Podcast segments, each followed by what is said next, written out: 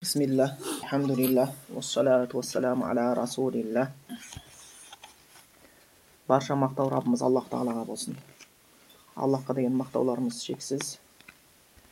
Алғысымызды молайтуға тырысамыз шамамыз келгенше. Және Аллахтың игілігі мен сәлемі біздің сүйікті пайғамбарымыз Мұхаммедке болсын. Оның соңынан ерген барша үмбетке болсын дейміз. Енді бүгін енді осы бір 2013 жылдың осы үшінші январында осы жерде аллах бұйырып бас қосып қалған екенбіз бұл бас қосуымыз ертең қияметтің күнінде өзімізді бір қуантатын бас қосу нәсіп етсін өйткені біздің ниет қылып отырған нәрсеміз пайғамбарымыздың хадистерінен бір өтсек деген ойымыз бар соның ішінде осы ә, кең таралып кеткен арбаин навауия деп қояды имам науаидің қырық хадисі деген хадис бар оның тарихының өзі қызық бұл хадистің жиналуының өзі ә, сол хадистерді бір тоқталып өтсек деп отырмыз. Өйткені екі үлкен бір исламда мықты тұтқа бар. Ол екеуіне ұстаған адам адаса қоймайды. Пайғамбарымыз хадис айтқан сияқты. Сендерге екі нәрсе қалдырдым ол екеуіне ұстасаңдар абадан деген адаспайсың ғана емес адасып кетулерің мүмкін емес дейді. Ол китабулла аллахтың кітабы құран сүннәти деп келген және менің сүннетім деп айтқан екен. Міне сол ә, жаңағы құран мен сүннет. Ол ислам дінінде үлкен бір тірек болады. Осыдан бекем ұстап жүретін болатын болса ол адам діні де дұрыс болады тілі де дұрыс болады ділі де дұрыс болады. Әйтеуір ақыретте оның үміті де болады. Сол үшін сол құран мен сүннетті ә, бізге түсіндіріп кеткен көптеген ғалымдар болған. Құранды ең бірінші болып бізге тәпсірлеп берген ең бірінші амал ретінде көрсетіп берген өзіміздің пайғамбарымыз мұхаммед мұстафа саллаллаху алейхи одан кейін ол кісінің тәрбиесінде болған сахабалар одан кейін жаңағы сол сахабаларды көзбен көрген табииндар осы бір үш дәуірдегі адамдар ең бір құрметті адамдар есептелінеді. Оларды сәләф деп атап қояды ілгергі өткендер. Сол кездегі дін өзі таза болған түсіндіруші адамдар өте тақуа болған. Сондықтан кәдімгі осы құран сүннетпен жүреміз және сол құран мен сүннетті солардың да түсінігімен түсінуге тырыссақ ол да бізге көптеген пайда береді екен. Сол үшін енді ә, мұсылманның ең бір сүйіп оқитын нәрсесі әрқашан байланысып тұратын нәрсесі құран. Құраннан кейін осы хадис болуға тиісті. Ілгергі уақыттарда хадис іліміне қатты көңіл бұрылған көптеген мұхаддистер шыққан. Енді сіздер білесіздер имам бұхари имам муслимдер термизи нисаи абу дауд деген ибн мажа сияқты көптеген мұхаддис ғалымдар болған. Кейін енді ә, заман өте бере олардың саны сиреп бара жатыр. Соңғы уақыттарда анда санда ғана шығады. Осы хадис ілімінің үлкен үлкен мамандары. Және сондай бір ә, хадисті теріп жеткізу үлкен бір құрмет болып есептелінеді. Пайғамбар хадис бар деп келетін хадис бар. Аллах тағала сондай бір пенденің жүзін нұрландырсын. Ол менен бір сөзімді естіп соны естігенде қылып өзгеге жеткізген адамдарды деп қояды. Сол үшін кейбір ғалымдардан сәләф ғалымдар айтқан сөзі бар. Біз дейді мұхаддис ғалымдарды көрген кезде көп байқағанымыз олардың көбісінің жүзі нұрлы дейді. Өйткені пайғамбарымыздың хадистегі дұғасы батасы оларға дарыған сияқты дейді. Егер адам баласы шын ниетімен шын жүрегіменен бір хадисті үйреніп өзгертіп жүрсе үлкен нығмет.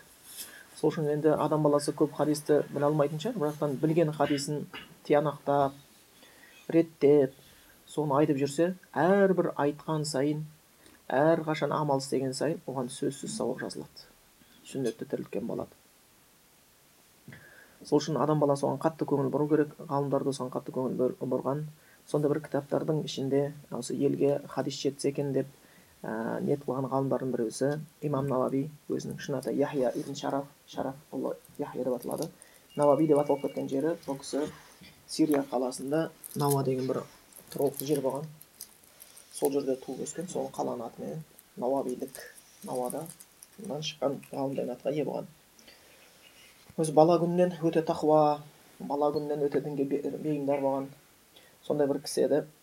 Тіпті кейбіріне де бұл кісінің өмірбаянды келтіреді. Сол кісінің ауылынан ясин маракиши деген бір ғалым кісі өтіп өткен дейді. Сонда бір кішкентай балаларды көріп ойнап жүрген. Сөйтсе балалар кішкентай балалар ойнайды дейді. Ішінде бір кішкене бала бар екен ойынды ұнатпайды екен. Құран оқығысы келіп тұрады екен сосын барып енді ойнап кел десе жоқ мен құран оқимын деп сондай кітапқа жақындап едім көріпті ана ғалым кісі енді байқап адам байқағыш болу керек әке шешесіне келіп айтты насихат қылыпты мына баланы қатты не қыла бермеңдер ойын қалдай бермеңдер мына бала ерекше бала екен ол ілімге құмарт жүрген бала екен соған енді құмарт тұрған кезде осының былай айтқанда іздеп жүрген нәрсесін сусындарының бірі айтып кеткен екен содан бұл енді он жастан бастап құран жаттап кейін көптеген ғалымдарда ілім жинап дінді келетін көптеген салада өте бір үлкен еңбектер жазып кеткен. Құран болсын хадис болсын фих болсын өз заманының фихтан өте ғалым болған бұл тек қана бір ғана масхабтың ғалымы емес. Жаңағы біз авторды айтып жатырмыз иә навави деп кеттік қой соны жаңағы өзінің яхия ибн шарафтың. Мына кітабымызға кіріспе алдында айтып жатқан нәрсеміз бұл біздің қазір кіріспе сабағымыз. Бұл кісі сондай көп неде болған бұл фих ілімінде өзі шафиғи масхабында деп есептелінеді бұл кісіні бірақ төрт масхабты да өте жетік игерген. Сол үшін төрт масхабтың да имамы деген атқа кей кезде атаумен аталып кетеді. Яғни өзі ғалымдар болады. Мысалға ғалым деген ат енді оңай шаруа емес қой. Бірақтан ғалым деген атқа кейбіреулер айтады ие бола бастайды адам баласы бір масхабтың ішінде бір мәселені жетік білсе дейді да. Ханафи масхабының ішінде намаз бабын дәретінен бастап сонау сәлеміне дейін намаздың саху қашан жасалады уәжібі ғажни соның бәрін жетік біліп шықса ол да сол саланың ғалымы дейді да сол тармақтың. Одан дәрежесі жоғары болатын масхабты толық білсе. Одан да дәрежесі жоғары болатыны төрт масхабты біле алса. Төрт масхабты білу енді өте сирек мәселе болады. Төрт масхабтан жаңағы өте бір роджих болған мәселелер шығарылатын болатын болса одан дәрежелер көтеріп барған болатын болса уже олар құран сүннетке көп алады сүйенеді. Өйткені олардың да түсінігі тереңдеген болып қалады екен. Содан бұл кішкентай күннен сондай ілімге өте құштар болған. Кейін көптеген ғалымдардың арасында ә, жаңағы ілім алды. Кейін ілім таратумен айналыса бастады бұл кісі. Ілім таратумен айналыса ә, бастайды. Одан жазылып кеткен көптеген кітаптары бар бірақ аллах тағала сондай қылып қойған. Ол кісінің нелеріне жаңағы еңбектеріне аллах тағала береке беріп қойған да. Соның ішінде осы арбаин нававия қырық хадис. Сол кісінің заманында тура қырық хадис жинайтын ғалымдар көп болған. Неге? Өйткені бір әлсіз хадис бар. Әлсіз болса сол мағынасына көп адамдар құштарланған. Ол хадисте айтылған кімде кім? Мен дүние деп келеді өмір дин деп келеді дін істеріне кімде кім қырық хадис жаттаған болатын болса аллах тағала дейді. Қияметтің күнінде сол хадис жаттап қырық хадиске амал жасап жүрген болса қияметтің күнінде не дейді дейді қияметтің күнінде алла тағала ол адамды ғалымдар мен фақихтердің қатарында тірілтеді дейді соған байланысты қырық хадиске деген құштарлық өте көп болған ол біріншіден екіншіден ә, ол тек қана қырық хадис бір енді санына ғана шектеулі емес мысалға кейбір ғалымдар болған ә, мысалға хатибул бағдади бұл хадис ілімін өте зерек білген сосын хадис ілімінде алғаш терминологияларын қоя бастаған мұсталхаттар дейміз ғой өзі хадис ілімі ілім бір. Басқа дінде тура хадис іліміндегі сияқты исламда хадис ілімі сияқты ілім жоқ басқа дінде. Кәдімгі иснаттарын зерттеп пайғамбардан қай сахаба айтты сахабадан қай табиғин айтты деген сияқты оның былай айтқанда айтуы жаттау қабілеті осыны зерттейтін ілім тек қана исламда бар. Басқа дін өкілдерінде жоқ. Өйткені оларда иснат жоқ. Иснат жоқ. Тіпті өзін мұсылман деп есептейтін шииттерде хадистерінде иснат жоқ. Иснатсыз айтады. Имам айтты имам айтты деп айта береді. Ана бұл үлкен бір ілім болып табылады. Бұл хадистің қатты сол иснатқа бөлінеді. Сондықтан жаңағы хатибул бағда деген кісі шыққан алғаш сол шығып сол жаңағы ілімге байланысты осы дирая ривая деп айттық қой. Дирая дегеніміз хадистің мағынасын зерттейтін ілім. Ривая деген хадистің жеттеу жету жолын зерттейтін ілім. Риваяға байланысты хатибул бағдади кәдімгі өзінің терминдерін қойып түсіндіріп кеткен. Одан кейін ибн салах деген кісі шыққан. Бұл да хадис ілімде өте жетік болған кісі. Бұл кісі сол ә, хатибул бағдадидің айтқандарын кәдімгі не жинақтаған. Бір ықшамдап берген. Одан кейін ибн ражаб деген ғалым кісі шыққан. Ол оны кітап қылып тиянақтап беріп кеткен. Әлі күнге дейін сол ибн ражабтың кітабы оқылады. Мұсталах хадис хадис ілімінде.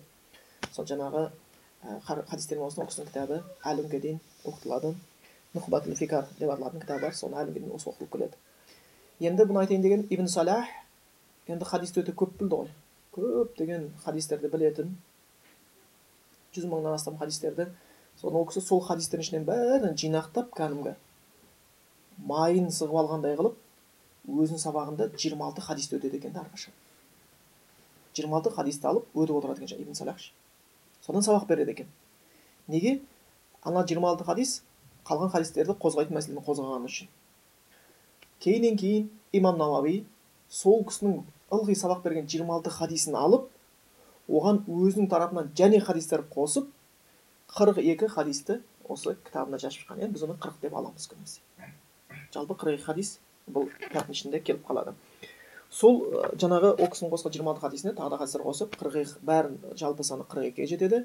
Сөйтіп соны жазып оны кітап қылып шығарады да өзі дәріс бере бастайды кейін кейін енді ол кісінің аллах әйтеуір сауаптан жасын ол кісінің мейіріміне бөлесін ықыласын еңбегін алла қабыл еткен шығар деп ойлаймыз ол кісінің осы еңбегі әлі күнге дейін ғасырлап оқытылып келе жатыр әлі күнге дейін ғасырлап оқып келе жатыр бұл кісі өзі жаңа айттық сирия жерінде науа қаласында дүниеге келген алты жүз отыз бірінші жылдары хижри жыл санау бойынша алты жүз отыз бір жыл ұзақ та өмір сүрмеген бұл кісі алты жүз отыз бірінші жылдары хижри жыл санау бойынша дүниеге келген алты жүз жетпіс алтыншы жылдары дүниеден өтіп кеткен бірақ осындай аз ғұмырдың ішінде бұл кісіде өте көп еңбектер қалған соның ішінде бізге кең таралғаны осы елдің бәрі оқитыны осы арбан науия одан кейін ә, жаңағы сахи муслимнің шархын жасап кеткен бұл кісі ол кісіні әлі көп оқиды одан кейін бәріңіз білетін рияду солихин деген кітап бар ол да өте жиі оқылады қанша тілдерге қанша уақыттан бері келе жатқан сол кітаптарды жазып кеткендер бар осы сияқты тибиян фи адаби құран деген сияқты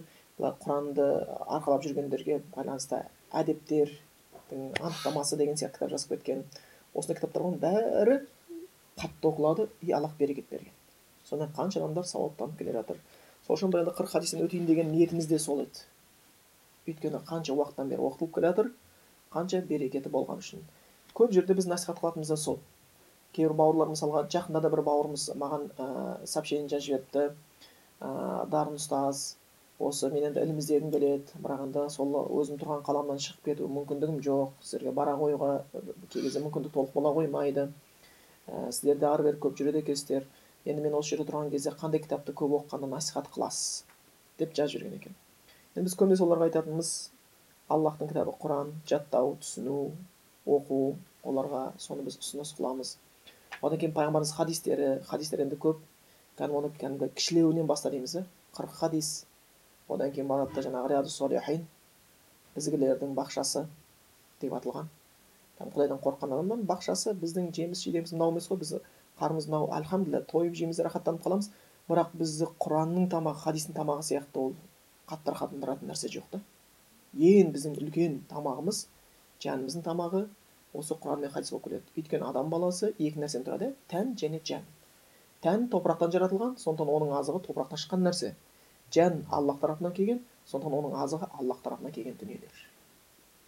Тәнді жай бір мысалы біз жақсылап тұр бір ет жеп сорпа ішіп бір тәтті тамақтар осы аллахтың жемісін жеп жатқан шығармыз бірақтан қазір қосымша бір неше түрлі қарын тойдыратын бірақ пайдасы аз беретін тамақтар да көбейді ғой.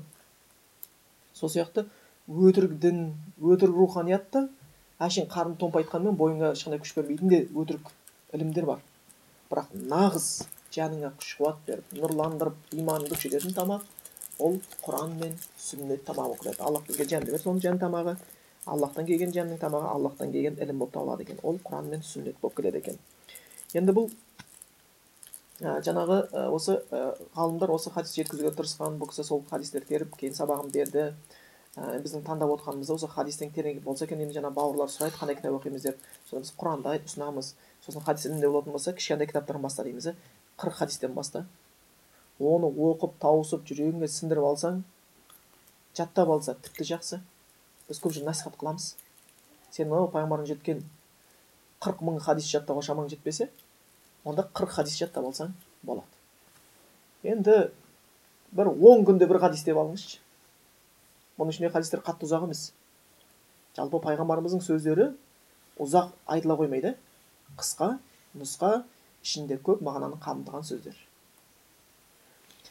Және пайғамбарымыз бір әдеті бір хадис айтатын болса қысқа хадис құр айтып қоймай кей кезде қайталайтын болған иә. Мысалы айтайық ана сахи бұхариде жеткен бізге хадис. Дәрет алуға байланысты сахабалар бәрі дәрет алып жатыр. Бір кісі дәрет алды өкшесінде құрақ жер қалып кетеді. Пайғамбар айтады батқанда су тимеген өкшелерге оттан жаза болады деген сөз айтады да не дейді пайғамбар ол сөзін екі не үш рет қайталады дейді енді үш ауыз сөзді от тимеген өкшелерге дозақтың оты тиеді от тимеген өкшелерге дозақтың оты тиеді деген кезде сахабаларға қиын емес қой жаттап алады және ол араб халқы кішкене көшпенді халық болған сол үшін олар жазба әдебиетінен гөрі ауыз әдебиеті қатты дамыған еді ауызша иә оны біз түсінуге тиістіміз. Өйткені біз де кезінде көшпенді халық болдық. Сол үшін ол кезде біздерді жазу сызу қатты дамымай тұрған кезінде бізде жаттау қабілеттері өте жоғары болған ілгергі уақыттарда. Олар көптеген ұзақ жыр дастандар айта беретін. Арабтар дәл сондай еді. Ал енді сондай қабілеттегі арабтарға қысқа нұсқа сөз айтылса ол екі реттен үш реттен айтылған болса олар және ол сөзді олар жүрегін ашып тұрып құлағын емес жүрегін ашып тұрып тыңдайтын болса қалай жаттағанын ойлаңыздар. Түсіндіңіздер ғой? Өйткені бұл құран хадис деген ілім оны бастағы құлақпен емес жүректегі құлақпен тыңдайтын ілімдер. Жүректегі құлақпен тыңдайтын ілімдер болып келеді екен. Сол насихат сұраған еді сонда біз айтамыз оны кітапты қырық хадисті жаттап шамаң ә, оны әбден тойып болған болатын болса онда рияду ол да жаңағы имам науауидікі ізгілердің бақшасы деген. Ішінде қанша оның енді орысшаға аударылды да қазақшаға аударылды ма мен білмеймін. Енді біз көбінесе арабша кітаптар оқығаннан кейін бар ма? Арабша кітап оқып жүргеннен кейін басқа тілде қай тілде аудартқанын біз әлі толық жетпей жатырмыз бірақтан кей кезде мешіттің қасында жұмада басқа да болған кезде көзіміздің қиығын салып кеткен кезде шын ілім іздеген адамдар үшін қазір бір кітапханасын толтырып алатын кітаптардың несі бар екені көзіміз көріп тұр. Алып қойып қойып отырмыз. Одан күшің тасып бара жатқан болатын болса бұхари муслимге өте берсең болады сол үшін көбінесе бауырларға айтамыз әсіресе семьялы болғандарға семьямызда осындай проблема болып жатыр мынандай болып жатыр деген кезде айтамыз сен бір күнде қалай түзейсің уақыт керек үйде бір күнде соғылмайды кірпіштің үстіне кірпіш кірпіштің үстіне кірпіш кірпіштің үстіне кірпіш одан кейін шатыр шатырдан кейін барып светін одан кейін есік терезесін бүтіндеп одан кейін барып ішін әсемдей бастайсың сен ала салып әйеліңді әсемдегің келеді кірпішін қойған жоқсың сол қарапайым нәрседен баста деп айтқымыз келеді. Сонда не істеймін деген кезде сен отырып алып уағыз айту деген наезд жасау емес қой түсінесіздер жаны шығару емес. Уағыз айту деген сен оған деген жанашырлығың шынымен де тозаққа түсіп кетпесе екен. Жәннатқа барса деген жанашырлығынан шығып жатқан сөз мүмкін. Қатты шығады мүмкін жұмсақ шығар бірақ сенің жанашырлығың ішкі дүниең. Енді сол жанашырлық кей кезде ә, мысалға ерлі зайыптылар болатын болса біз оларға айтатынбыз. Кей кезде басың қосылатын төсектің қасына қырық хадисті ал да қоя сал болды арасына тіл сал. Арабша білмесең өз тіліңде түсінетін қазақшасын қойып қой. Одан кейін алда бір күні бір хадисті сен оқы екінші хадисті әйелің оқысын. Одан кейін талдап көріңдер. Тіпті сол бір он минут егер сендер шаршайтын болатын болса. Бір оқып біткеннен кейін альхамдулиллах деп аллахқа мақтап айтып қойыңыздар. Шүкірлік етіп о аллаға шүкір мына кітапты қандай берекетін берді деп. Сахабалардың ішінде кей кезде құранды басынан оқып біткен кезде бала шағасын жинап алып аллахқа дұға қылатындар болған. Құранды құранды бастан аяқ бітірген кезде шүкірлік қылып баласын отырып аллахқа мақтау айтып дұға қылатындар да болған. Хатым түсіріп деген сол ма? Иә хатым көбінесе енді мынау оразаның кезінде хатым біткен кезде құран біткен кезде дұға қылады ғой. Құнут дұғасында. бізден осы бітірген құранымызды қабыл етші деген сияқты сондай. Әрбір пайдалы істің соңында дұға қабыл болуға жақын. Сондай бір істеп қойса болады екен. Осыған әшейін.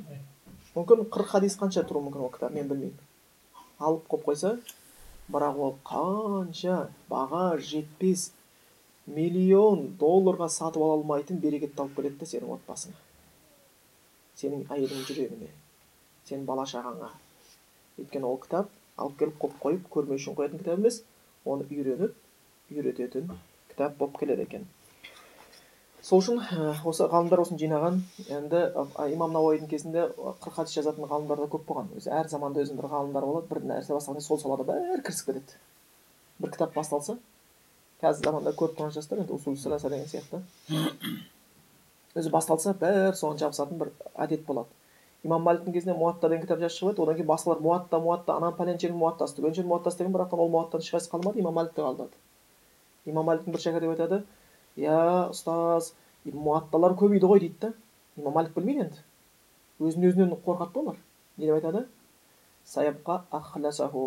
кім аллахтың үшін разылық үшін жазған болатын болса сол қала түбінде дейді да өзінің кітабы қалыпты басқа ешкімдікі емес сол сияқты осы бұл кісінің заманында да қырық хадис жазғыштар көп болған бірақ оқып келе жатқан ең белгілі кітап осы одан кейін қанша ғалымдар шарқ жасап келе жатыр әлі күнге дейін тоқтап жатқан жоқ. Сол үшін бұның ішіндегі хадистер жан жақты тақырыпты қозғаған. Түсіндіңіздер ғой иә? Бұл хадистер мынаған ұқсас. қырық мың хадистен төрт мың хадисті жинақтап төрт мың хадистен төрт жүз ықшамдап төрт жүз хадистен қырық хадисті алып шыққандай. Түсіндіңіздер ғой? Ал енді кейбір ғалымдар болған қырық хадистен төрт хадис алып шыққандар да болған.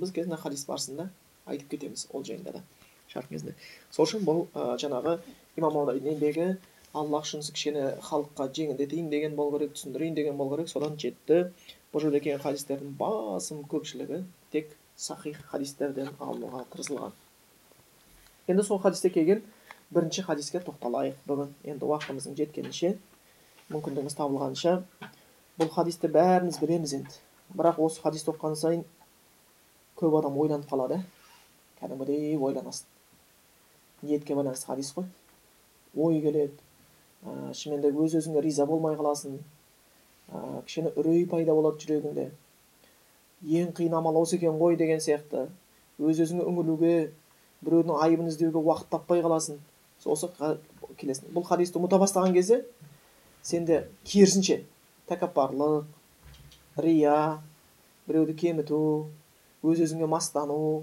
өз өзіңе таңғалу деген сияқты бейғамдық деген нәрсе пайда бастайды да. Ал бұл хадисті оқып қойсаң қайтадан берекет келе бастайды. Ол хадисті қазір бірінші бір мәтін жаңағы айтып өтейік. Одан кейін ары қарай түсіндірмесін айтамыз. Бұл хадисті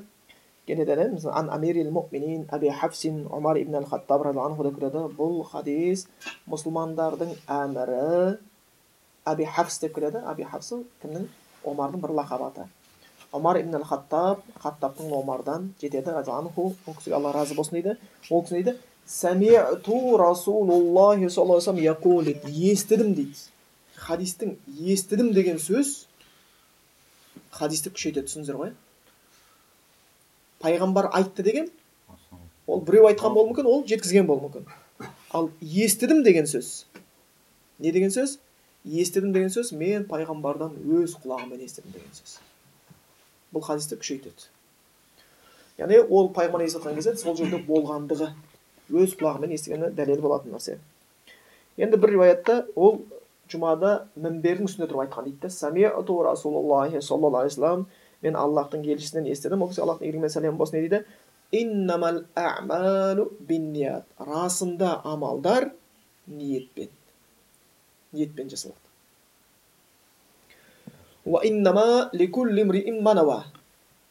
Және әрбір кісіге ниет қылған нәрсесі беріледі деп келеді кімде кімнің хижреті түсіндіріп кетеміз иә хижреттің көшуі хадистің қазір бір мәтін айтып өтейік аллах үшін және оның елшісі болатын болса оның хижреті аллах және елшісі болады енді сол қалаған нәрсе аллахтың разылығына пайғамбарымыздың сүннетіне жетеді дейді ал кімнің хижреті ұмтылысы. Дүние болса юсибуха сол дүниені табады. Ау имраатин әйел болатын болса оған некеленіп үйленеді деп келеді екен. Әркімнің былай айтқанда алатын үлесі не нәрсе хижрет қылған болатын болса сол соған былай айтқанда өзіне табыс қылып алады дейді.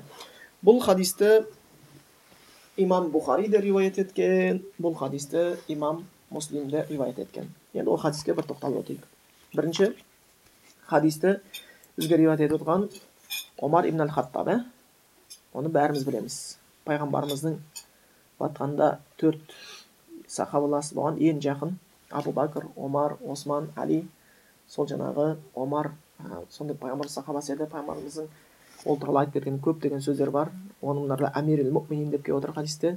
Мұсылмандардың әмірі ең бірінші осы атқа ие болған омар. Абу бәкірдің кезінде әмирил муминин деп айтылмаған. Абу бәкірдің кезінде халиф мұсылмандардың халифы айтылған. Ал омарға әмир әл мұсылмандардың әмірі деген ат, аталған. Ә, бұл кісі ә, өте бір қуатты кісі болған. Сол үшін бұның бір лақап аты әбул хабс әбу хабс деп аталған себебі хабс деп атқанымыз ол арыстан. Оның әбул хабс аталып кеткен себебі оның бойында күш болған да бір адуын болған. Кәдімгідей. Өте күшті бір сондай адам сұсты адам болған. Содан бұның лақап аты әбул хабс аталып кеткен екен. Және әбу хабс деп атап кеткен пайғамбар мұхаммед мұстафа саллаллаху алейhi оның бойында осы сезімді байқаған тіпті пайғамбарымыз атаған ғой сол үшін кей кезде бұл хадисте әбул хабс деген кезде оны баласының аты хабс деп ойлап қалмаңыздар. Хапса деп па? Иә. Бұл не? Арыстан сияқты адам деген сөз ғой. Өте жігерлі өте сұсты деген. Бұл ә, жаңағы омар анху ұзынша келген кісі болған екен өте қуатты кісі болған екен. Ә, сосын қара торы адам болған. Ә, бұл енді ислам дініне қабылдайды кейбір риуаят бойынша қырқыншы адам болып кірді дейді. Бірақ сол өзі әлі көп болмағанын көрсетеді омар ислам дінін қабылдаған кезде абдулла масудың жетін ә, не бар ә, риуаят бар ол кісі айтады. Омар ислам дінін қабылдағанша тығылып намаз оқушы едік дейді омар ислам дініне кіргеннен кейін уже мұсылмандар бойын көтеріңкіреп денесін түзу ұрыстаңқырап жүре бастаған. Енді осындай бір батырлау адам болған екен. Бұның ислам дініне кіруі үлкен қушуат берді тіпті пайғамбар саллаллаху дұға қылған екен. Бұл кісінің аты омар және абу жахилдің аты омар. Екі омардың білімін кейін дұға осы кісіге лайық болып бұйырып тұр да осы кісіге бұйырып тұр. Содан бұл кісі мұсылманшылыққа келеді сөйтіп исламнан өте көптеген қызметтер жасап кетеді. Бұл кісінің халифалығы ең ұзақ халифалық болады. Бұл кісінің халифалық тұсында ислам діні ең кең шекараларға кең, кеңейтіледі деген сияқты. Одан кейін ә, бұл кісі туралы пайғамбар айтқан хадисі бар. Менен кейін пайғамбар жоқ. Егер менен кейін пайғамбар болғанда омар болар еді деген бұл сипаттама ол кісіге жететін еді. Және бір ә, пайғамбар саллаллаху хадисінде келеді. Он адам деп келеді ғой он адам жәннатпен сүйіншіленген. Соның бірі осы омар. Фил жанна омар жәннатта деген сөз айтып кеткен кісі ә, бұл кісі туралы. Және бұл кісі пайғамбарымызға өзінің қызы хафса бұйырған кейін ә, жаңағы қызы хафсаның жолдасы қайтыс болған кезде бұл кісі ә, енді ол кездің әдеті сондай еді не? Қазір қыздар мен жігіттер өздері іздейді. Бұл кез енді әке шешелері іздеуші еді. Олар уайымдай кәдімгідей еді. Қазіргі кезде былай айтқанда мүлдем бір бала туралы қыз туралы оның тәрбиесі туралы үйлену туралы әке шешелер онша қызықтырмайды да. Диплом қызметі ғана қызықтырады. Оның шахуаты қалай басылмай жүр ау? Ертең бір күнә ұрынып қалады ау? Басқа қылайын қызым бой жетті ғой ертерек үйлендіруім керек деп бұрынғылар әкелер шешелер уайымды шегеді енді қазір ондай әке шешелердің тарапынан болмағаннан кейін амал жоқ жігіттер өздері іздеп қыздар өздері іздейді. Ал мұсылманшылық түсінбегендер ол тіпті әкесінен сұрамайды да іздейді. Одан кейін жастың аты жас ол бір тәжірибесіздікпенен бір нәрсеге ұрынады сөйтіп көптеген семьялардың іргетасы шайқалып содан көреміз. Омар өзінің қызы жесір қалған кезде ол оған не іздейді күйеу болатын кісіні іздейді сөйтіп абу бәкір сыдыққа келеді абу бәкір сыдыққа айтады абу бәкір сыдық ештеңе үндемейді жауап бермейді кейін ол османға келеді осман оған жауап бермейді менде қазір үйленуге айтқанда ниетім жоқ еді дейді сөйткен кезде оның қызын пайғамбар мұхаммед саллаллаху сұрайды сөйтіп пайғамбарға беріледі кейін абу бәкір келіп омарға айтады сен дейді қызыңды маған айтқан кезде мен ә, саған жауап берген кезде көңіліңде бірдеңе қалып кетті ау дейді иә қалып кетті дейді да. Менің үндемеген себебім пайғамбар бір отырыста сіздің қызыңыздың атын атап қалып еді. Соның әңгімені анық болғанша мен пайғамбар егер ол кісі қаламаса сол кезде ғана алуға дайын едім дейді да. Досы ғой енді ренжітпеуге бірақ пайғамбар сіздің қызыңыздың атын атап қалғаннан кейін мен оған ұмтылған иә. жоқпын дейді да. Өйткені ол кездегі сахабалар пайғамбарға деген махаббаттары оны өзінің әкесінен де шешесінен де баласынан да артық сүйетін. Әрбір нәрсе пайғамбардан артық қоймайтын өздерінің жанынан да жандарынан да артық сүйген ол кісілер пайғамбарды аллах тағала бұйырып ол кісі ә, жаңағы кісінің омардың қызы пайғамбарымызға үйленеді. Айтқанда пайғамбарымызға дос ретінде пайғамбарымызға енді біздің тілмен айтсақ қайын ретінде кәдімгідей өте үлкен жақындықтарға ие болады. Сол көзі тірісінде жәннатқа кіресің деген сөзді естіген омардың өзі айтқанда өте қатты қорқынышта болатын тозақтан. Енді құдай біледі қазір біреуге түсіне пайғамбар кіріп сен жәннатқа кіресің десе ол ондай хабарды көтере ала ма көтере алмай ма оны алла білуші. Бірақ омар осы сөздерді өз кулактарынан эстеген кезде олар оған алданып калган жок. Сөйтіп жүргөн омар тозақтан қатты коркатын еді сөйтіп жүргөн омар үйүндө көзү мындай жарык жарық жоқ свет. От жагат үйдүн төбөсү ашык болот түтүн чыгып кетсин былай айтқанда жарық ісіне түссін деп сол тамақ соңы істейтін кей кезде олар отуруп алып сол отқа карап отуруп омар енді өтө күчтүү болгон киши го. Отқа колун төсөп алып барып испир я ибн хаттаб ал хаттабтың ұлы. Шыдап көрші мына отқа? Шыдап көрші дейді екен бірақ кім шыдайды отқа? Қолы күйіп мықты мықтысы оған шыдай қоймайды ғой. Қолын тартып алған кезде а бұған шыдамайсың ба? Ана жақта бұдан зор от бар. Тыныш жүр онда омар дейді да тыныш жүр онда дейді омар. Сөйтіп өзін өзі тәрбиелеген алла тағала құранда да от жайында біз айтып кеткен иә не сендерге отты тұрмыс тіршіліктеріңе пайдалану үшін және ақыреттегі оттың бар екенін ескерту үшін жаратып қойғанбыз дейді. Ал ол кездегілер от көрсе тозақ естеріне түсетін. Біз от көрсек тек қана жылыну шай қою ғана есімізге түседі басқа ештеңе естімейді. Ал аллах тағала құранда ақыретті еске алу үшін де сендерді жаратқан едім дейді. Сөйткен омар разанху өмірінің соңында бұл кісі енді шахидтік өлімге лайықты болды өзі де сұрайтын еді. Алла шахидтік өмір өлім берші және мединада берші деп. Оған кісілер айтқан болған қалай сізге шахидтік медина сұрайыншы? Медина қазір қаласы тыныш соғыс деген анау алыста шекараларда болып жатыр деген кезде менің міндетім сұрау қабыл ету аллахтың айтқанда ә, жаңағы істерінен деп. Кейін кейін аллах бұйырғандай ол кісі намаздың үстінде имам болып тұрған кезінде оған арамдық ойлаған кісі пышақпенен ол кісіні бірнеше жерден пышақтаған одан кейін ол кісі соның өзінде біраз күн жатып қалады. Бойынан қан ағады енді өте күшті адам ғой әйтпесе біздің денемізден сәл қан алса қисайып тұра алмай қалуы мүмкін да бас айналып. Сөйтіп жатып көптеген өсиеттер айтты сөйтіп жатып көптеген тәубе жасады сөйтіп жатып көп адам тақуалыққа шақырды бір жас жігіт келіп омарға кіріп ол кісінің жылап жатқанын көріп енді я амир әл мүминин қатты қапа болмаңыз. Сіздің сіз туралы пайғамбардың осындай сөзі бар. Сіздің былай айтқанда осынша еңбегіңіз бар дінге деп жұбатып кетіп бара жатқан кезде омар кетіп бара жатқан жас жігітті қараса балағы жерге тиіп бара жатыр екен иә ұзын. Сосын ана жігіт тоқтатыңдаршы дейді. Тоқтағаннан кейін айтады бір сөзді айтады оған ирфа изарак балағыңды көтеріп жүр не деп айтады бұл нәрсе анқа ли саубик киімінің тазалығы үшін атқа ли раббик раббың алдында тақуалық дейді киіміңе тазалық раббың алдындағы тақуалық дейді яғни өліп бара жатып насихатты айтатын кісілер ей өзім өлейін деп жатырмын сенің балаң керек еді деген сияқты емес әрбір пайғамбардың сөзін жеткізуге деген олардың ынтасы сол үшін бұл имам науи да сондай пайғамбардың әрбір сөзі жетсін деген. Біз де пайғамбар үмбетіміз біз де бір пайғамбардың бір сөзін білдік па? Пайғамбарымыз батасына ие болу үшін. Пайғамбар не деп айтты?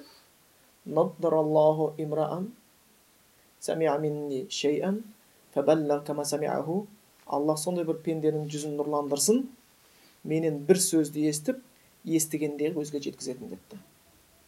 Сол үшін сол күйінде жаттап жеткізуге тырысқан жақсы. Жаңа сабағымызда айтып кеткен сияқты. Әлбетте түсініп жазып жүрсек жақсы бірақ жаттап алсақ нұр үстіне нұр болады. Өйткені барған жерімізде айтуымыз үшін осындай хадис бар екен. Шамамыз жетсе арабшасын шамамыз жетпей жатса қазақшасын тауып жаттап оны отырған жерде міне осындай хадис бар. Оны омардан айтылған хадис.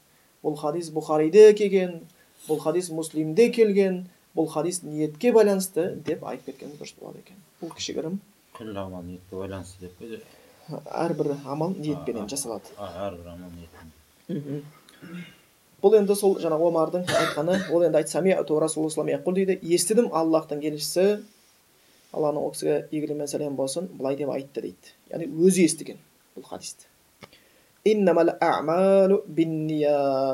иннама деген бұл күшейтпе енді арабтың грамматикасын терең үйреніп жүрген бауырлар болса түсіне қояды хаср деп қояды бір шек дейді бүкіл амал ниетпен ғана жасалады ниетсіз амал жоқ деген сияқты мағына. Иннамал амал амал амалдың көпше түрі қазақта амалды амал деп аламыз. Істер әрекеттер бинният ниетпен жасалады. Келесінде және әрбір кісіге ниет қылған нәрсесі бұйырады. Көп адамдар ойлап қалады осы хадис расында амалдар ниетпен жасалады деген кезде және әрбір кісіге ниет қылған нәрсесі беріледі деген кезде екеуі бір мағына беріп жатыр деп ойлап қалады. Жоқ. Біздің заманымызда қиын болып тұрған бір нәрсе бар. Біздер тыңдай аламыз бірақ түсіне алмаймыз. Біздер сөйлей береміз бірақ сөйлей білмейміз. Осы бізге өте қиын болып тұр. Түсіндіңіздер ғой? Сөз ажырату қиын болып тұр. Өйткені бір мысал ретінде айтып кеткен едім. Арасында сәл бауырлар арасында фитна көп ұрынбау үшін жаңа айта салайын дегенім. Бауырлар звондап дарын ұстаз сіздің ижазаңыз бар ма? деп сұрақ қояды. Енді білесіздер ол біліктің нәрсесін. Одан кейін айтып жатырмын ол бауырларға жауаптан кейін ижазасы жоқ адамға аллахтың жолына шақыруға болмайды деп айтатын болсақ ол бидағат деп содан кейін әңгіме ары қарай сұрақтар жалғасты. Мен есімде жоқ қанша сөйлескенбіз бес минут шығар одан көп шығар одан аз шығар сонымен сұрақтар болып жатты. Кейіннен кейін ең соңында телефон қоятын рахмет дарын ұстаз. Алла сізге разы болсын жаңа жоғарыда сіз өзіңіз айтқан сияқты ижаза сұрау бидағат деп айтқаныңыз сияқты дейді да. Ижаза сұрау болып кетіп жатыр уже? Субханаллах дедім да. Мен сөйтіп айттым ба иә сөйтіп айттыңыз ғой дейді сіз сөйтіп айттыңыз ғой дейді қайтадан түзеп жатырмын бауырым деп жатырмын мен саған айттым ижазасы жоқ адамға дағуат жасауға рұқсат етілмейді деген сөз бидағат дедім ижаза сұрау бидағат деп айтқан жоқпын бес минуттың ішінде сөз аманаты жоғалып жатыр. Міне осы үшін біздерде фитна көп. Не естіп жатқанымызды білмейміз. Болмаса асылхан бауырымыз айтқан сияқты. Тұр едім бір бауырлар бір тақырыпта қатты дауласып жатыр екен дейді. Ішінен біреусі суырылып шығып маған қарай келе жатты дейді. Сосын келе жатқаннан кейін маған сұрақ қойды. Айтыңызшы асылхан ұстаз осы дұрыс па дұрыс па деп. Сосын мен айттым дейді мәкрух яғни қаланбайды онша деп айттым дейді. Жазакалла хайран деп кетті дейді. Сөйтіп ана балалар айтты айттым ғой сендерге харам деп айтты дейді. Бес қадамға жетпей сөз өзгеріп жатыр бес минутқа жетпей сөз өзгеріп жатыр. Кім айтты асылхан айтты болып кетті одан осылай кете береді. Дарын айтты асылхан айтты дарын айтты асылхан. Айтты сол үшін және айтамын мына хадисті түсіндіремін ол кезде. Өйткені жаңа тағы аударамын былай айтқанда бізде тыңдай аламыз бірақ түсіне білмейміз. Қазіргі кезде біреуді кәдімгі тоқтатып отырып сұрау керек болып жатыр да. Тоқтатып отырып сұрау керек болып жатыр екінші сөйлей береміз сөйлей білмейміз. Мына хадисті енді қайтадан оқимын бірінші бөлімін иннамал расында амалдар істеп жатқан істер бинният ниетпен жасалады расында әрбір кісіге бұйыратын нәрсесі не мәнауа ниет қылған нәрсесі айырмашылық бар дұрыс па бір адамға оқыған адамға айырмашылық жоқ сияқты енді айырмашылығын сіздерге түсіндірейін бірінші хадистің бірінші бөлімі амалдар ниетпен жасалады деген әрбір амалдың алдында ниет жаса деген нәрсе түсіндіңіз ғой яғни амалдыңға бөлініп жатыр екінші әрбір кісіге ниет қылған нәрсесі деген сенің ертең алатын сауабыңның көлемі жасаған ниетіңе қарай деген сөз түсіндіңіз ба аллах үшін істеген болатын болсаң алладан аласың адам үшін істеген болсаң адамнан аласың ниетің үлкен болса үлкен сауап аласың кішкентай болса кішкентай сауап аласың. Түсіндіңіздер ғой? Қазақша айтқан кезде не ексең соны ұрасың деп тұр біріншісі. Екіншісі не ексең соны ұрасың деп тұр. Екінші хадистің мағынасы. Жаңа екінші сөздің хадистегі екінші сөздің бөлімінің мағынасы. Ал біріншісі оны не үшін істеп жатқанын ажыратуға бізге көмектеседі енді ниет деген нәрсе не? Ниет деген сөз қазақта бар. Ниеті қалыс адам екен деп қояды қалыс деген сөз арабтың сөзі халис деген сөзден шыққан бұл ниеті қалыс екен халис деген сөз арабтың тілінде таза қоспасы жоқ қазір мен ыдысқа су құйсам ішіне заварка самасам сүт қоспасам қант қоспасам таза су тұрса бұны араб тілінде маун халисун таза су дейді болмаса сүт аят құран аятында келеді лабанан халисан дейді біз сиырдың ішінен таза сүт шығарамыз дейді ол сүт ненің арасынан шығады дейді қан мен жынның арасынан жын деп жатқан жаңағы нәжіс шөп жейді бірақ таппақ аппақ сүт шығарады ішкенге сүйкімді халисан таза сүт оның ішіне сиырдың нәжісі араласып кеткен жоқ оның ішіне қан араласып кеткен жоқ қып қызыл болып тап таза болып шықты дейді да сол үшін ниеті қалыс деген сөз ниеті таза екен. Арғындар иә жоқ басқа жоқ тәкаппарлық жоқ басқа жоқ шын ниетімен келді деген сияқты келеді ниет деген сөз біз қолданамыз. Енді бұл ниеттің мағынасы әл ирада уәл қас деген мағыналар береді. Бір нәрсені қалау. Бір нәрсені мақсат тұту деген мағына береді. Және ол жүрекпен жасалады. Ниет жүрекпен жасалады. Енді бұл жердегі әрбір іс ниетпен жасалады деген кезде ниетпен кезде ғалымдар да пікір туды. Қандай істер? Бүкіл істер айтылып жатыр ма? Дін істері мен дүние істері? Жоқ әлде тек қана шариғаттағы құлшылық тақырыбын ғана қозғап жатыр ма? Намаз ниетпен істеу керек деген сияқты. Дәрет алсаң ниет жасау керек. Құран оқысаң ниет жасау керек дегенді айтып жатыр ма? Жоқ ішсең де жесең де жатсаң да тұрсаң да деген сөз айтып жатыр ма дейді? Ғалымдар айтады бәрі ішіне кіреді дейді. Кейбір ғалымдар айтады егер бізге ниетсіз іс жаса десе біз жасай алмас едік дейді да. Өйткені ниетсіз іс жоқ дейді да былайша келген кезде сен тамақ жегіп отырған кезде ар жағыңда бір ниет тұрады дейді да. Жақсылап ет жеп алыңдар дала суық. Еді ана суықты қайдырамын деген сияқты. Ар жағында бір нәрсе тұрады. Ниет тұрады дұрыс па? Болмаса әйеліне жақындауға бара жатқан кезде. Что то қазір жалаңаш қыздар көп болып кетті. Не қылайын шахуатын басып тастайын чтобы көшеде алаңдамай жүру үшін мүмкін шахуатын сындыру үшін барасың сен. Болмаса әйелім хақысын беріп қояйын тағы алдым ғой. Деген болмаса ұрпақ болсын. Салиқалы ұрпақ деген ниетпен. Яғни сен әйтеуір бір нәрсемен бара жатсың дұрыс па? Егер бізге ниетсіз іс жаса десе біз жасай алмас едік. Мүмкін ниетсіз істі ақылы жоқ жындылар істеуі мүмкін. Не істеп не қойғанын білмейді. Отырды не үшін отырғанын білмейді тұрды не үшін тұрғанын білмейді. Сол үшін жалпы біз дін иесі болсын дүниесі болсын ниетпен жасаймыз. Бірақ сол ниетіміз әртүрлі болады. Ниетіміз әртүрлі болады. Сол үшін осы ниетті ғалымдар екі бөлікке бөледі. Бірінші ниет не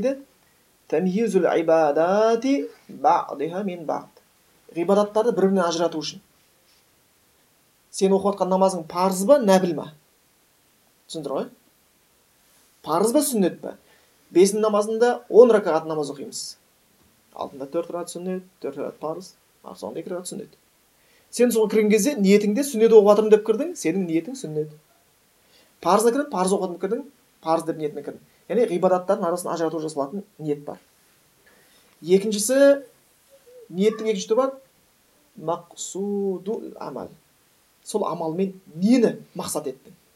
Сен намаз оқығанда адамдар көрсін мен қандай тақуа екенімді деп оқып ба? Жоқ аллах тағаланың разылығы үшін оқып жатырмын намаз жәннаттың кілті ғой. Тозақтан алыстады ғой деп оқып жатрсың ба? Қияметте бірінші сұралы ғой деп оқып жатрсың ба? Амалды ажырату үшін. Ниет осылай екі бөлімнен тұрады? Түсіндіңіздер ғой? Бірінші ғибадаттың арасын ажырату үшін парыз сүннет нәпілді біліп алу үшін. Екінші не мақсатта? Амал сол істеген амал намаз оқығандағы мақсатың не? Парыз болсын сүннет болсын не үшін оқыдың адамдар үшін ба? Жоқ алла үшін ба? Яғни осы мақсатын ажырату үшін керекті болып қалады екен. Сол үшін бұл ниет өте маңызды. Бұл хадис негізі ә, өте үлкен бір хадистердің қатарына кіреді. Біз жоғарыда айттық қой. Қаптап жатқан төрт жүз мың төрт жүз мың хадистің ішінен төрт мың хадис жинаған ғалымдар болған. Төрт мыңнан төрт жүз хадис төрт жүзден қырық хадис жинап соның ішінен төрт хадис шығарғандар да болған. Сол кейбіреулер үш хадисті де алып келетіндер болады. Имам ахмад айтады ахадис бүкіл діннің тірегі дейді үш хадистің ішінде құрылған дейді сөйтіп келтіреді біріншісі дейді хадису омар омар айтқан хадис дейді бүкіл іс ниетпен жасалады деген хадис дейді екінші хадис дейді айша анамыздан жеткен хадис дейді қандай хадис Мән ахдаса фи амрина хаза ма минху фахуа кім біздің ісімізде айтқанда қандай да бір амал бір жаңалық жаңа амал ойлап тапса құран мен сүннеттен дәлел жоқ бұйырылмаған құран сүннетте оның амалы қабыл етілмейді. Бидағаттан тастау мәселесі. Екінші сол хадис еді. Үшінші нұман ан нұман ибн баширден жеткен хадис. Бұл мединаға жеткен кезде ең бірінші туған сахаба бұл өзі қызық өзі ә, медина жаңағы сол жаққа барды ең бірінші туған бала өзі. Қаласында. Бұл кісі нұман ибн баширден жеткен хадис ал халалу байинун уал хараму байин халал нәрсе анық харам нәрсе анық байнахума умурун муштабихатун арасында күмәнді істер бар деп келетін хадис осы үшеуінің үстіне құрылған дейді имам шафиғи бұл хадиске байланысты не айтып кеткен имам шафи бұл хадиске осы ниетке байланысты хадисте омар жеткен хадиске айтып кеткен сөзі хуа сулусул осы омар жеткен хадис дейді ілімнің үштен бір бөлігі дейді түсіндіңіздер ғой ислам ілімінің үштен бір бөлігі дейді. Көбісін қамтиды. Және былай айтқанда фихта жетпіс баптың ішіне кіреді дейді. Бұл хадистің маңыздылығы соншалықты имам бұхари өзінің кітабын жазған кезде сахил бұхариді ең бірінші келтірген хадис осы хадис. Бірақ енді сіздер имам бұхаридің ең бірінші келтірген осы хадисіне бір тағы да қолдарыңыз тигенде бір қарап оқи салыңыздаршы бір нәрсені байқайсыздар. Осы хадисті келтірген кезде бір сөзі қалып кетеді. Кейін ол хадисті қайтадан келтіреді да екінші рет келтіргенде ол сөзді жазады. Иә орта жағында бар сөздің басына келген кезде бұл хадис келтіреді. Бүкіл іс ниетпен жасалады. Әрбір кісіге жасаған ниеті кімнің хижреті аллах пен оның елшісіне болатын болса оның хижреті аллах пен оның елшісіне деген сөзді тастап кетеді да бірден не келеді кімде кімнің хижраты дүние болса дүниеге жетеді әйел болса әйелге деген тастап бұның себебі дейді кейбір ғалымдар түсіндіреді. Осы хадистен бастаған кезде имам бұхари шын аты мұхаммад қой иә әкесінің аты исмаил. Исмаилдің ұлы мұхаммед ол бұл кітабын жазған кезде бірінші сол хадиске маңызды екенін білді. Осы хадиспен келтірді ниетке байланысты. Кімде кімнің ниеті алла үшін айтқанда хижреті оның елшісі үшін деген сөзді кіргізген себебі мен мақтанып жатыр деп ойланып қалмасын қорықты дейді да өз жерінен міне мен мына кітапты алла үшін жазып жатырмын деген сияқты. Өзіне рия кіріп бірақ кейін ол хадисті толық келтіріп берді. Олар ниет мәселесінде соншалықты қорқатын. Әрбір айтқан сөздерінен әрбір таратқан ілімдерінен құлшылықтарынан ертең о дүниеге барған кезде сен бұны алла үшін істеген жоқсың адамдардан барып сауабыңды теріп ал деген сөз естіп қалудан қорқатын олар. Бұл ең шынымен қимыл амалдардың бірі еді сол үшін ғалымдар айтады бұл хадисті әрбір ілімнің алдына қою керек дейді қандай кітап жазса бір ғалым бірінші бетіне қою керек дейді яғни фиқт оқиын деп жатсың ба бірінші бетінде осы хадис тұрады. Хадис ілімін оқиын деп жатсың ба бірінші бетінде осы хадис тұрады. Ақиданы оқиын деп жатсың ба бірінші бетінде осы хадис тұрады деген сияқты. Өйткені бірінші ниетті дұрыс болмаса бұл нәрсеге жете алмаймыз. Сол үшін абдулла ибн муарактың сөзінде келеді рубба амалин сағирин дейді бір адам дейді бір амал болуы мүмкін дейді кішкентай ғана амал дейді бірақ егесінің ниетінің себебінен ол кішкентай амал үлкен сауаптар әкеліп береді дейді бір үлкен амал болады дейді да қаншама жұмыс істей алмайтын бірақ егесінің ниетінен оның сауабы аз болып кетеді дейді. аз болып кетеді дейді. болмаса кейбір жерде түсіндірген сияқты біреу ухуд тауындай садақа беріп құрмадай сауап ала алмай қалуы мүмкін. біреу құрмадай бір құрма садақа беріп ухуд тауындай сауап алып кетуі де ықтимал. біз білмейміз. өйткені пайғамбар мұхаммед мұстафа саллаллаху жеткен бір хадисті білесіздер иә? сондай ашаршылық заман сондай қиын заман сонда бір әйел кісі екі қызы болады. Барады олар үш ақ құрма тауып алады. Үш құрма тапқаннан кейін шешесі бір құрманы бір қызына екінші құрманы екінші қызына үшінші құрманы өзі жеймін дейді екі қыз аш аузына құрманы салады да бір екі шайнап жұтап қоя салады шешесі енді жейін деп жатқан кезде екі қызы аш шешесінің аузына қарап тұрды құрма шешесі сол аузындағы құрманы аузына салуға батыл жетпей қайтадан шығарып екіге бөліп екеуіне аузына салады. Анаған бір жартысын мынаған бір жартысын. Пайғамбар хадисінің соңында айтады жанна сол әйелге жәннат дейді. Өйткені қандай уақытта? Сол үшін алла білуші қазір мен сауд арабиясында жүрген болатын болсам сол бір намаз оқып жүрген болатын болсам ол жерде менің балағым қысқа сақалым ұзын болып жүрген болатын болсам иә сүндет істеп намаз істеп жатырмын бірақ біздің жерде жүріп сақал қойып жүргендер біздің жерде жүріп орамал тағып жүргендер біздің жерде жүріп сүндетті орнатып жүргендерге сауап көбірек жазылады. Өйткені ол жақта не мынау деп айтатын ешкім жоқ. Бұл жақта бар да. Сен сол келген кедергілерге төтеп отырып істейсің. Бұл жерде ар жағында рия жататын болатын болатын болса адам баласы уже не сол рияға кетіп қалуы оған ешқандай тиімсіз болатын еді да. Ақиқатты айту ақиқатпен жүру тиімсіз болады да қоғамдық пікірден ол ол нәрсеге өте алмай қалады екен. Сол үшін ниет сондай болу керек дейді. Ниеттің дұрыстығы айтқанда сен істеп жатқан амалың үшін ризашылықты сауапты алладан ғана күтуің. Алладан ғана күтуің. Оны басқа біреуден күтіп қалу емес. Енді бұл хадистің ары қарай жалғасы ә, жаңағындай енді ә, әрбір кісіге істеген ниетіне қарай деп келеді ғой. Кім деген хижрет аллах оның елшісіне болатын болса оның хижрет аллах оның елшісіне деп келетін ары жалғасы осы алғашқы айтқан екі сөздің алғашқы бөлімінің шарқы сияқты кетеді. Енді burada біздің уақытымыз осындай кішігірім шектелгендей болды. Ә, келесі алла нәсіп етіп бұйырып жатқан болатын болса одан ары қарай оны түсіндіруге әрекет қылып көреміз. Аллах бізге егер өмір беріп алтында оған лайықты бізге әрекет берген болса Thank you.